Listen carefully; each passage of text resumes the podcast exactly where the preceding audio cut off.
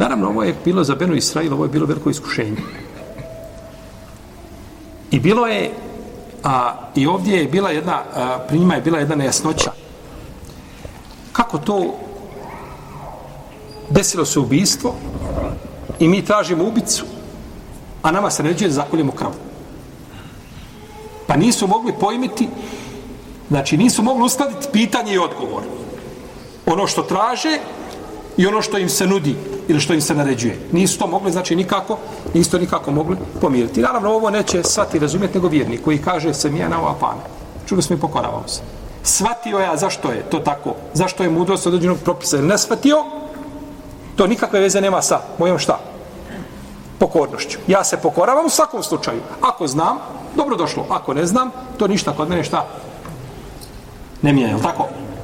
Pa se znači uvijek je dužan da se da se pokori. Međutim, pogledajte kako je došao a, a, odgovor a, koji su oni tražili. Koji je obavijestio ko je ubica? Ubijen. Ubijen je obavijestio. Benu Israil neće prihvatiti da je poslanik došao, Musa, ali sam rekao, ubio ga je taj i taj, tako mi je Allah objavio, rekao je Musa, stvarno, Allah sačuvao tebe. Takav nam. Na kraju su mu kazali, kada zbijaš sa nama šal, šeg, šegaš se sa nama. Pa uzvišen je Allah im nije dao odgovor preko poslanika njihovog, sallallahu alaihi wasallame, nego je dao im odgovor u kome nema nikakve sumnje, a to je da mrtvi ustane i kaže koga je ubio i da ponovo se vrati mrtav. Jer to je narod koji drugačije ne prihvata. Narod ne, ne vridi sa njim da ti njemu nešto, da on iz daleka nešto, ovaj, ili preko poslanika, nikako. Kaže poslanik i kaže, Allah vam naređuje, kaže ti to se šegaš sa nama.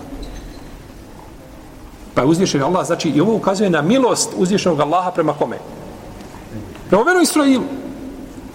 Milost njegovu znači, pored svi ti blagodat koje su imali, i tu je imali, znači, blagodat kada nešto traže, da ustane, znači, taj da ih obavijesti, tako da bilo kako, znači, šubhu i sumnju po pitanju, jeli, toga izbio, jeli, svojih i svojih glava.